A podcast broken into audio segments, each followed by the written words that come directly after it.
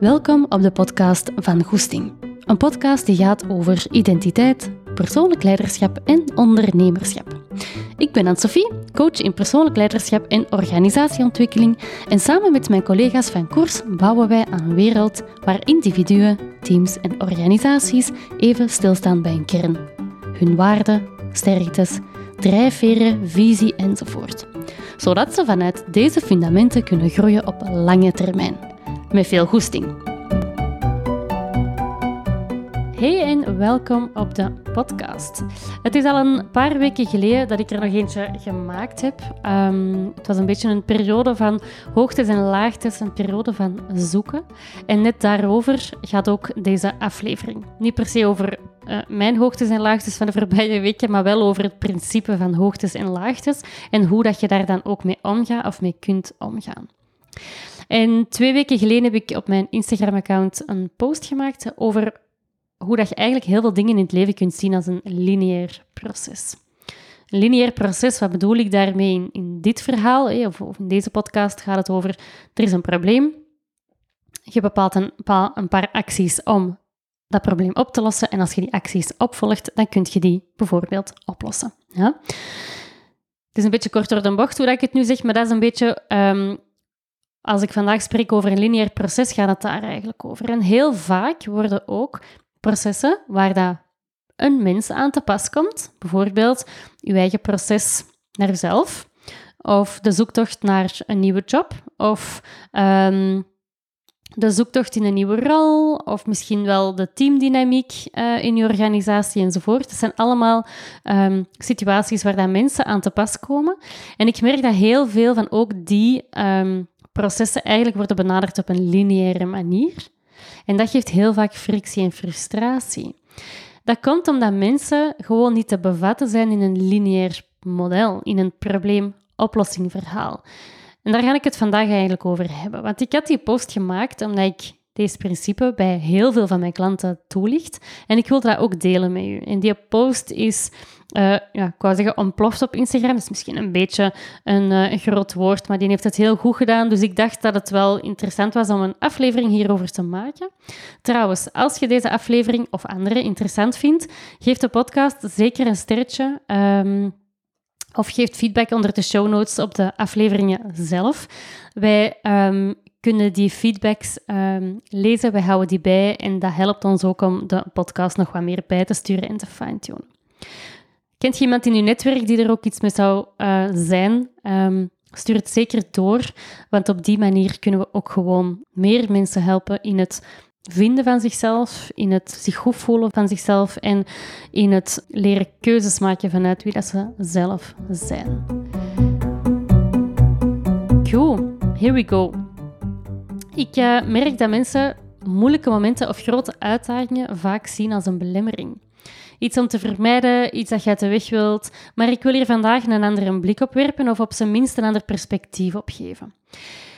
En weet dat hoe ik het vandaag benader, dat is een manier om er naar te kijken. Maar er zijn natuurlijk heel veel um, andere invalshoeken ook mogelijk. Maar in ons vak kun je eigenlijk nooit iets in een vacuüm bekijken. Je kunt nooit iets zwart-wit gaan bekijken. Dus zie ook elke aflevering als een deeltje van een grotere puzzel. Goed?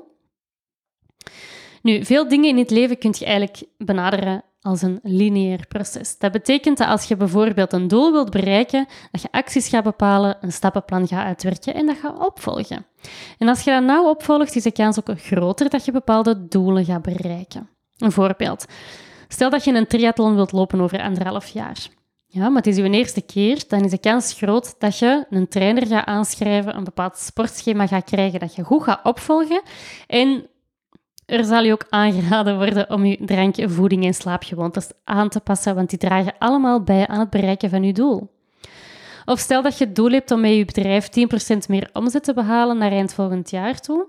Als dat je doel is, dan gaat je een goede strategie bepalen met concrete stappen en acties om dat te kunnen bereiken. Of, een beetje andere invalshoek, stel dat je wilt vermijden dat er machines uitvallen in de productieafdeling van je organisatie, dan is de kans groot dat er nauwgezette protocols gaan uitgeschreven worden om dat dus te gaan vermijden of die kans ook te gaan verkleinen. Je ziet dus in deze voorbeelden dat je door bepaalde doelen of problemen um, gaat benaderen vanuit actieplannen opmaken, dat je er eigenlijk heel concreet mee aan de slag kunt. Je kunt dus de hoe-vraag heel tastbaar maken. En die hoe-vraag krijg ik heel vaak in de praktijk. Het komt wel vaker voor dat belemmerende patronen, zoals perfectionisme, controledrang, pleasen enzovoort, dat die in de bron eigenlijk gaan over angst. Angst voor afwijzing, angst voor verlating zijn twee heel grote, uh, veel voorkomende, bedoel ik, thema's. Maar als we in dat bewustzijnsproces zitten van dit thema, dan komt vaak al heel snel de hoe-vraag. Ja, maar hoe ga ik hier dan mee om? En hoe pak ik deze aan? En wat kan ik dan doen om hiermee om te gaan? En waarschijnlijk zijt je het ook zo gewend om bepaalde situaties op die manier aan te pakken, op een oplossingsgerichte of resultaatgerichte manier. Een lineaire manier dus. Maar dan ga er eigenlijk vanuit dat je um, ook dit thema gaat bekijken vanuit hoe los ik dat op.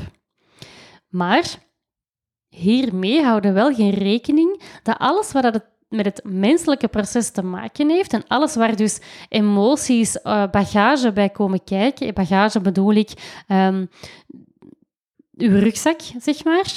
Um, doorheen al uw jaren heeft uw rugzak zich gevormd, vanuit opvoeding, schoolsysteem, ook gewoon cultuur, maatschappij enzovoort dat, zijn geen, dat is geen lineair of geen rationeel proces. Dus je kunt het ook heel moeilijk gaan benaderen, onmogelijk eigenlijk, om het op een lineaire manier te gaan benaderen. En eigenlijk, helaas, wringt daar ook wel het schoentje.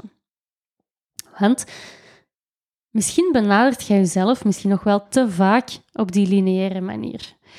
En in organisaties merken we dit bijvoorbeeld heel hard. Maar de emotie of de rugzak weghalen bij een mens, dat kan gewoon niet.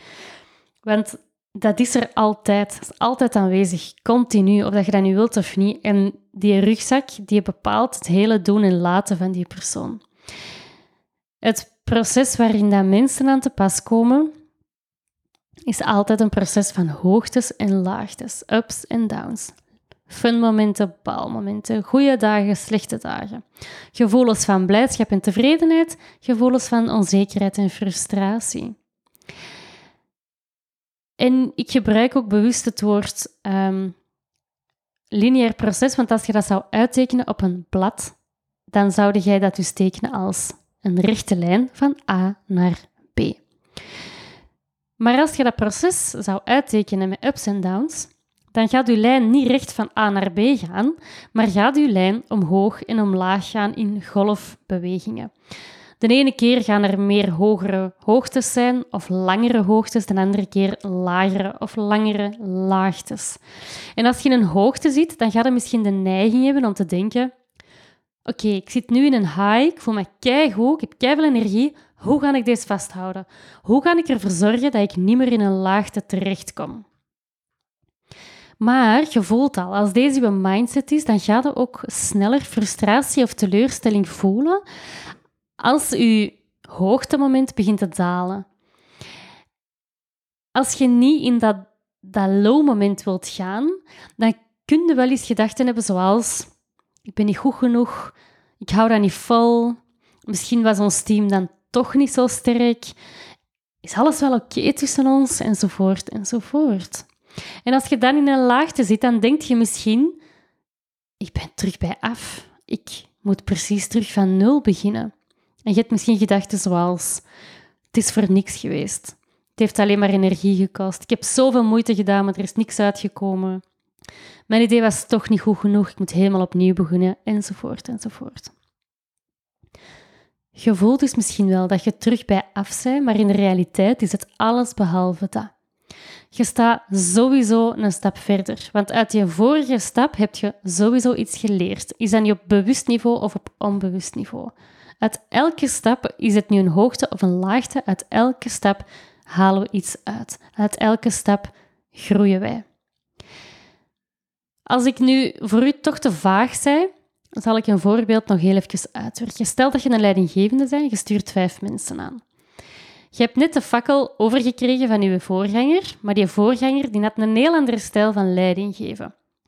Die vorige die deed misschien veel aan micromanagement en was heel gefocust op het bereiken van doelen. Maar jij voelt dat je een andere visie hebt op leiding geven en een team aansturen. Jij wilt veel meer managen vanuit vertrouwen. En jij vindt eigenlijk dat mensen hun eigen planning moeten kunnen doen en dat het ook aan hen is om zelf aan te geven als het niet gaat.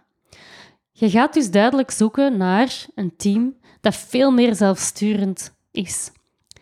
Maar stel nu, dat is je visie en het is de eerste keer dat je in die positie van leidinggevende komt, dan is de kans wel groot dat je, zo nog wel wat onzeker bent over je nieuwe rol en over je visie en je aanpak. En de eerste weken voelde dat een aantal mensen van dat team keihard aan het floreren zijn. Dus je voelde je gemotiveerd en je voelde zelf zeker over je visie en je aanpak. Maar wat je op dat moment misschien niet ziet, misschien ook wel, maar misschien ook niet, is dat misschien een aantal andere mensen wel vanuit een goede intentie proberen mee te werken in die nieuwe structuur of in die nieuwe aanpak, maar dat ze eigenlijk moeite hebben met die veranderingen. Als daar niet over gesproken wordt, en side note, dit is altijd een gedeelde verantwoordelijkheid, maar stel dat je daar niet echt over communiceert met elkaar, dan komt er waarschijnlijk wel wat spanning op de samenwerking en elke enkele maanden later, worst case, haken er misschien wat mensen af. Je waart al onzeker over je nieuwe aanpak, maar doordat die twee andere teamleden het team nu gaan verlaten, versterkt dat gevoel. Dus misschien heb je gedachten zoals... Oh, ik had dat anders moeten aanpakken. Mijn aanpak was misschien toch niet goed. Ik heb dat niet goed ingeschat. Ben ik wel geschikt voor deze job enzovoort. Dus je voelt jezelf in een soort van laag te komen. Je gaat je eigen terug in vraag stellen. En het zou zelfs kunnen dat je zelfs afweegt om terug de oude aanpak te gaan introduceren. Maar wat gebeurt hier nu eigenlijk in de realiteit? Een andere aanpak heeft gezorgd voor veranderingen in dat team en de cultuur van dat team. Wat eigenlijk ook helemaal logisch is en wat wij ook dagelijks bij koers zien gebeuren. Maar als jij weet dat die veranderingen en die moeilijke, die moeilijke momenten ook doorheen die veranderingen, want elke verandering geeft sowieso een, heeft sowieso een effect op, op uh, highs en lows, maar als jij weet dat die veranderingen en die moeilijke momenten daarvan deel zijn van het proces en ook deel zijn van de groei, die moeilijke momenten zijn dus ook echt nodig om dat team door die verandering te krijgen, dan gaat het tijdens die momenten ook veel beter kunnen accepteren dat die er zijn en gaat het die mensen die daar wat moeite mee hebben ook op een andere manier gaan benaderen. Als er dan toch mensen beslissen om uit die situatie te gaan, uit dat team te gaan, dan kun je wel de vraag stellen: oké, wat kan ik nu leren uit deze situatie? Wat kan ik leren uit die low? Ja? Weet dus dat die lows erbij horen en dat je die dus nodig hebt om te kunnen groeien. Je hebt ze nodig om te kunnen leren, je hebt ze nodig om er iets uit te kunnen meepakken, zodat je op de lange termijn kunt groeien. Met jezelf, in je relaties of in je team. En als er emoties komen die je overweldigen en die dat je misschien net daarom liever zou willen vermijden, omdat ze zo overweldigend zijn, weet dan dat die emoties je vertellen hoe dat met je gaat, wat jij nodig hebt, maar ook waar dat er over je grenzen is gegaan. bijvoorbeeld boosheid kan u niet altijd, maar vaak wel leren dat je je grens voorbij bent gegaan. Verdriet kan u bijvoorbeeld tonen dat iets of iemand wel heel belangrijk voor u is. Jaloersheid kan u tonen dat je een bepaald verlangen hebt, maar dat die niet ingevuld wordt, enzovoort. Dus als je deze soort emoties voelt of in een moeilijke situatie terechtkomt, dan kan dat voelen alsof het eindeloos lang duurt. Ik heb toch die indruk soms van, oh, wanneer kan ik eruit geraken als je in zo'n situatie zit of in zo'n low zit. Je kunt het gevoel hebben dat je de weg kwijt bent, je kunt je overweldigd voelen. En misschien heb je ook wel wat frustratie of gevoelens van machteloosheid. Weet dat dat oké is. Weet dat deze deel is van het proces, welke dan ook. Probeer ook dit deel van het proces te omarmen op dezelfde manier als dat je je hoogtes omarmt. Want als je bepaalde doelen wilt bereiken of als je bepaalde waarden wilt gaan nastreven, dingen dat je belangrijk vindt, gaan daar altijd emoties bij komen die, die dat we soms gewoon moeilijk vinden om te dragen. Weet dat wij als mens gemaakt zijn om ook door dat proces van hoogtes en laagtes te gaan. Wij kunnen dat dragen. Jij kunt dat dragen. Je gaat ook nooit in de low blijven zitten, want het zijn op- en neergaande golven. En als jij je nu afvraagt van, ja oké, allemaal goed en wel hier, maar wat nu? Hoe? Wat moet ik hiermee? Hoe pak ik dat aan? Wat is dan mijn plan in low momenten? Hoe haal ik dan mijn doelen? Aan zich hè, zijn dat allemaal goede vragen. En je kunt op internet duizenden tips gaan zoeken om daarop te antwoorden. Maar soms zijt je gewoon nog niet op een plek waar dat je die vraag kunt beantwoorden. Omdat bepaalde processen gewoon nog tijd nodig hebben om te rijpen. En zolang dat er geen tijd is voor dat rijpen, dan ga je beslissingen maken vanuit een bepaalde emotie, zoals bijvoorbeeld angst, maar niet vanuit wat je eigenlijk echt nodig hebt. Dus als je die hoe-vragen, als die bij je heel snel komen, dan zijn dat vooral signaal dat je hoofd het wil overpakken van je lijf. Want emoties zitten volledig in je lijf. Je hoofd vindt dat altijd spannend, afhankelijk hoe dat je um, in connectie staat met je lichaam. Gaat je hoofd het willen begrijpen? Dat wil tastbaarheid, dat wil controle, dat wil vooruit, dat wil oplossingen voor problemen. Je hoofd wil dus meestal het tempo bepalen en het proces gaan controleren, maar je lijf heeft meestal iets anders nodig. Maar je hebt wel je lijf nodig om dingen te kunnen doen, om dingen te kunnen verwezenlijken. Want als je lijf begint tegen te, te, te uh, spartelen, dan gaat dat voelen aan je gezondheid en kan dat dagelijkse impact hebben op als je naar je werk gaat, hoe dat je voelt, hoe dat je slaapt, hoe dat je energie zit enzovoort. Dus als deze soort gedachten in je opkomen, is dat teken om heel even terug gas te nemen en te vertragen. Weet, je hoofd gaat dat niet leuk vinden, hè? maar dat is wel wat je lijf nodig heeft. En mijn doel van deze aflevering vandaag is echt deze eerste stap. Dat is bewustwording en acceptatie. Het gaat hier vandaag echt nog niet over de hoe-vraag. Het gaat vooral over bewustzijn dat elk, uh, elk verhaal een hoogte en een laagte kent dat wij die laagtes kunnen dragen, dat jij die laagtes kunt dragen. En als je dat accepteert, dan gaat je ook groeien vanuit de zuivere intentie voor jezelf. En als deze allemaal nieuw voor u is, of als dat heel comfortabel aanvoelt, dan zet je daar zeker niet alleen in. En ook dat mocht je toelaten en mocht je omarmen.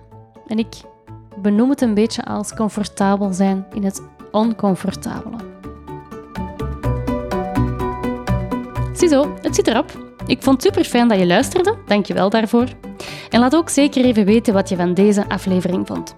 En nog leuker, delen met je eigen netwerk, want zo kunnen we samen meer impact maken. En als je meer wil weten over onze programma's, ga dan zeker even naar onze website www.koers.team of stuur me een berichtje. Tot binnenkort!